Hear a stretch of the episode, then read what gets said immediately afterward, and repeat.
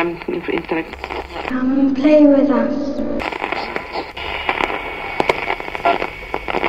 Red rum, red rum.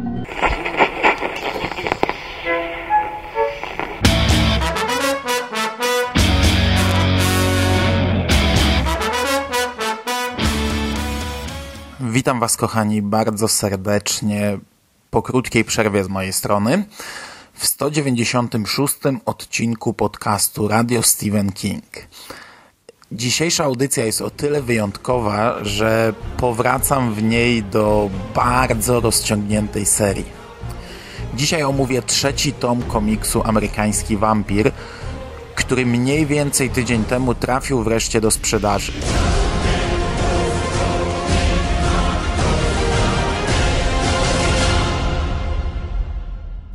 Pierwszy tom omawiałem e, długo po jego premierze, a i tak trzeba się do niego dokopywać w najgłębszych archiwach podcastu. To był czerwiec 2012 roku i 63 odcinek podcastu. 133 odcinki temu. E, drugi tom omówiłem zaraz po premierze komiksu w 82 odcinku podcastu, czyli 114 odcinków temu. I to był październik 2012. Potem Egmont zawiesił serię i wydawało się, że temat zdechł. Zmieniły się czasy, zmieniło się podejście do komiksów, ich czytania i wydawania i okazało się, że Egmont nie zapomniał o wampirze i postanowił wskrzesić go, dając mu drugie życie. Ja sobie przeczytałem jeszcze raz oba tomy przed lekturą najnowszej odsłony. Tom pierwszy czytałem już czwarty raz i chyba więcej już nie będę do niego wracał, bo niczym mnie już nie zaskoczył. Ale powróciłem sobie też do tych dwóch podcastów, do czego na starcie bardzo Was zachęcam. Szczególnie do podcastu właśnie o pierwszym tomie. To jest wyjątkowa sytuacja, bo ja zwykle zniechęcam do słuchania swoich starych nagrań, ale te słucha się bardzo dobrze. I szczególnie pierwszy, bo w drugim już głównie skupiałem się na samym komiksie. Szczególnie pierwszy to jest kawał zapisanej historii. To warto przesłuchać nawet teraz, zanim dokończycie dzisiejszą audycję, bo po pierwsze wprowadzam w temat samego amerykańskiego wampira, czego dzisiaj już nie będę jakoś mocno robił, a po drugie ten podcast uświadamia, jak zmienił się polski rynek komiksowy na przestrzeni ostatnich kilku lat. Jako punkt wyjścia ja tam biorę spotkanie wydawnicze z Prykonu. Chyba z 2010 roku. I ja dzisiaj nadal bardzo dobrze pamiętam to spotkanie, bo to było takie smutne, gorzkie nawijanie o smutnych, gorzkich realiach rynku. W tych podcastach wielokrotnie narzekam na cenę, która w tamtych czasach a przecież nie jest to znowu jakaś nie wiadomo jak bardzo odległa historia, no to ta cena była astronomiczna zwykłe, cienkie komiksy, zwykłe sześciozeszytówki w sztywnej oprawie kosztowały stówę na wejściu. W obu podcastach marudzę o tym, że jeśli Egmont wyda kiedyś w przyszłości trzeci tom, który objętościowo jest dwa razy większy, no to cena będzie kosmiczna.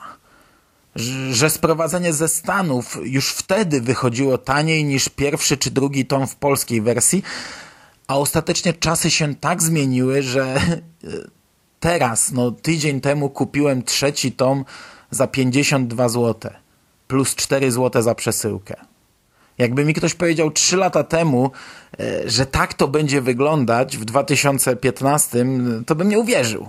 No w tym momencie w sklepach dostępne są wszystkie trzy tomy i pierwszy i trzeci, które zostały wydane teraz, są dużo, dużo, dużo tańsze niż drugi wydany wcześniej, bo drugi nie został wznowiony. Jakby mi ktoś powiedział, te trzy lata temu ktoś by dodał, że Egmont wyda trzeci tom, wznowi pierwszy i jednocześnie zapowie, że do końca roku czwarty i piąty się także ukażą, no to bym się w głowę postukał.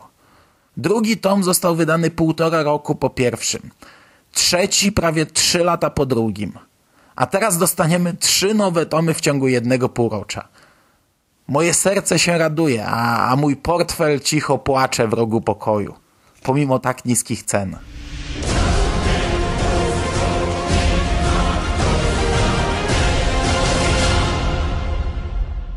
Zabawne jest też to, jak przez te kilka lat zmieniła się pozycja twórców. Przypominam, że gdy powstawał ten komiks, Scott Snyder był raczej niewiele znaczącym nazwiskiem w branży komiksowej. Snyder poprosił Kinga o blurpa na okładkę. King podjarał się i wszedł w projekt. Snyder podjarał się, że ma Kinga na pokładzie, a wydawcy promowali komiks najpierw nazwiskiem Kinga, a dopiero potem twórcy czy rysownika. Teraz w ogóle nie mówi się o Kingu, mówiąc o tym komiksie. Scott Snyder urósł na sporą gwiazdę w komiksowym świadku i teraz to sukces Snydera, jego rozpoznawalność, jego wkład w komiks superbohaterski, w nowe DC, w Batmana e, sprawił, że można wypuszczać u nas inne komiksy sygnowane jego nazwiskiem i one są przyjmowane bardzo pozytywnie i one się sprzedają.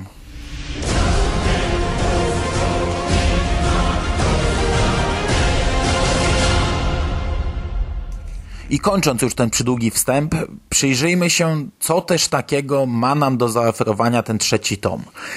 Jest to naprawdę ogromny objętościowo komiks, składający się z 12 zeszytów z 288 stron. W jego skład wchodzą w sumie trzy historie, z których dwie mogłyby stanowić materiał na, dla dwóch oddzielnych albumów. Znajdziemy tutaj jednozeszytową historię pod tytułem Pogranicze Dziwów, jest to dwunasty zeszyt amerykańskiego wampira. E, sześciozeszytową Wojnę Duchów, e, składającą się z zeszytów od numeru 13 do 18 regularnej serii Amerykański Wampir oraz pięciozeszytową oddzielną miniserię Selekcja Naturalna. I zaczynamy po kolei. Otwierające Pogranicze Dziwów e, to jest koszmarnie brzydki komiks. Autorem rysunków jest e, Daniel Żeżeli. Są one toporne, ubogie, brutalne, ostre, brudne, e, z grubą kreską, trochę odpychające, choć pasują do opowiadanej historii, a paradoksalnie to jest bardzo dobra historia. Cofamy się w czasie ze Skinnerem Sweet i obserwujemy jego pożegnanie z Dzikim Zachodem. E, to jest pożegnanie właśnie gorzkie. Historia jest klimatycznie ciężka, pokazująca zmierzch pewnej epoki. To jest taki łącznik pomiędzy historią narodzin Skinnera Sweet na Dzikim Zachodzie, a opowieścią o narodzinach Pearl Jones w filmowej słonecznej Kalifornii. Czyli łącznik pomiędzy opowieściami rozgrywającymi się równolegle w pierwszym tomie serii. Bardzo fajny komiks, będący jakimś tam niby tylko elementem większej układanki, nie popychającym głównej historii do przodu, ale świetnie ją obudowującym i, no, no i jest tak bardzo klimatyczny. Po tym wstępie przechodzimy do części właściwej. Sześciozeszytowej, regularnej serii amerykańskiego wampira, czyli Wojny Duchów. A skoro mamy główną linię, no to na stołek rysownika wraca główny rysownik, Rafael Albuquerque. Gościnne występy na tym polu mamy tylko w osobnych miniseriach i one-shotach. Wojna Duchów to jest opowieść, której akcja rozgrywa się w 1943 roku. Głównym bohaterem jest Henry, mąż Pearl Jones, który wraz ze specjalnym oddziałem komandosów od wasali Gwiazdy Zarannej zostaje wysłany na front. To jest taka wampirza wersja typowej wojennej opowieści o specjalnej jednostce i super tajnej, super ważnej misji samobójczej. E, grupa duchów, czyli żołnierzy, z których każdy przeżył jakąś osobistą tragedię z wampirem w roli głównej, zostaje wysłana na japońską wysepkę Taipan, która jest wampirzym gniazdem. Oczywiście w trakcie wychodzą nowe tajemnice, pojawia się nowy gatunek wampirów, e, historia serwuje odpowiednio rozłożone twisty, e, na scenie pojawiają się znani bohaterowie, Skinner Sweet znów ma swoje klasyczne wejście, jest dziko, brutalnie i krwawo. Całość czyta się doskonale, komiks znów różni się od swoich poprzedników, e, jest to zupełnie inna historia zarówno w warstwie fabularnej, jak i wizualnej. To jest ogromna zaleta tej serii, bo jej punkt wyjścia daje twórcom bardzo duże pole do manewru i pozwala bardzo długo zachować świeżość i różnorodność kolejnych rozdziałów.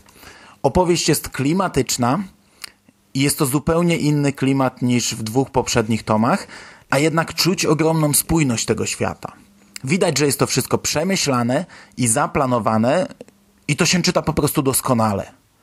Jest odpowiednio brutalnie, odpowiednio dziko i krwawo, ale też dramatycznie i ciekawie. Wojna Duchów to bardzo mocny punkt programu w trzecim tomie, y, który, tak jak powiedziałem we wstępie, broniłby się doskonale jako samodzielny, y, całkiem gruby album sprzedawany w tej samej cenie. A że dodatkowo jest jeszcze tak mocno rozbudowany innymi komiksami, y, no to tylko jeszcze bardziej cieszy. Na koniec dostajemy poboczną miniserię, która oryginalnie wyszła poza regularną linią amerykańskiego wampira, ale dla czytelnika to jest informacja bez znaczenia, bo selekcja naturalna wpisuje się doskonale w całą linię czasową. Jedyna zmiana następuje na stołku rysownika, gdzie e, Rafaela Albuquerque zastępuje Sean Murphy, do którego jednak czytelnicy są już przyzwyczajeni, bo w poprzednim tomie miał swoje 5 minut, rysując retrospekcję w głównym komiksie i tworząc krótszą, dwuzeszytową, ale niezwykle klimatyczną wizualnie historię wampirzycy Hoti, e, dawnej przyjaciółki Pearl. Tym razem dostajemy opowieść bez Pearl Jones i bez Skinnera Sweet, który tam pojawia się tylko gdzieś na chwilę gościnnie we śnie jednej z bohaterek. E, początek komiksu bardziej skupia się na przedstawieniu funkcjonowania organizacji Wasali Gwiazdy Zarannej. Główną bohaterką jest Felicia Book, e, narodzona w pierwszym tomie, a występująca już w tomie drugim obok szeryfa Kasha McCogena który i tutaj pojawia się u jej boku. Dostajemy dalszy ciąg wątku szeryfa i jego syna, co mnie bardzo cieszy, bo już w poprzednim podcaście mówiłem, że na to liczę. Felicia Bóg wyrasta nam na jedną z najważniejszych postaci stojących po tej dobrej stronie barykady. Akcja komiksu rozgrywa się w 1941 roku, czyli dwa lata przed tym, co czytaliśmy przed chwilą.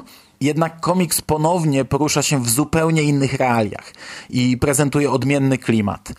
Tym razem jest to opowieść wojenna bardziej w stylu e, dział na warony czy tylko dla orów zakładając oczywiście, że dobrze pamiętam te filmy, bo jarałem się nimi niemiłosiernie za dzieciaka, a to było ze 20 lat temu.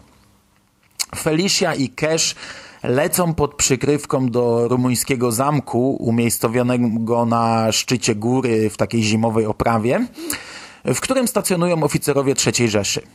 Jest tam też rumuński doktor, który jak wieść niesie odnalazł lekarstwo na wampiryzm. I przez resztę komiksu śledzimy perypetie naszych agentów i ich potyczki z wojskiem, zarówno tym ludzkim, jak i wampirzym. E, ostatecznie, co staje się powoli standardem w tym komiksie, na scenę wkraczają zupełnie nowe wampiry. E, jest to jak do tej pory chyba najmniej brutalny komiks, przynajmniej jeśli weźmiemy pod uwagę te długie serie.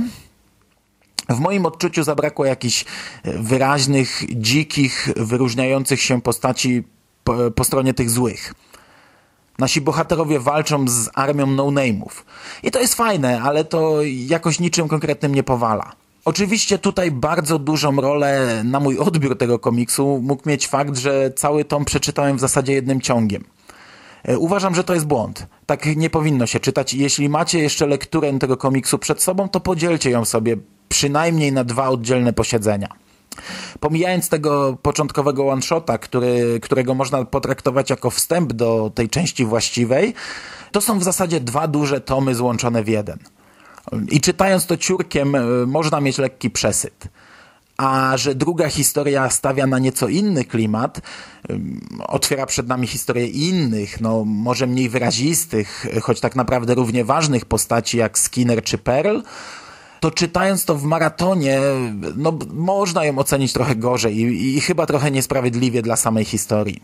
Tak czy inaczej, cały tom nie ustępuje niczym swym poprzednikom, a biorąc pod uwagę, jak dużo oferuje, no to powiedziałbym nawet, że jest to najlepsza jak dotąd odsłona amerykańskiego wampira. Jeśli lubicie takie klimaty, to naprawdę warto się zaopatrzyć i cieszyć się lekturą. E, szczególnie, że z tego co pobieżnie prześledziłem, no twórcy mają jeszcze wiele ciekawych pomysłów i duże pole do popisu. A Egmont tym razem nie każe nam czekać lata na kolejną dawkę. Także naprawdę warto.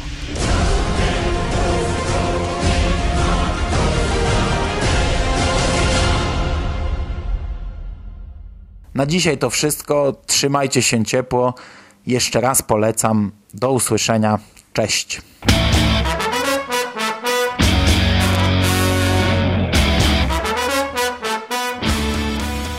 A już za tydzień w następnym odcinku radia Stephen King. Some people read to learn, others to forget, to solve a problem or escape it. But whether you devour a book or it devours you, Stephen King tells a killer story. Finders Keepers, new from Stephen King. Wake up, genius.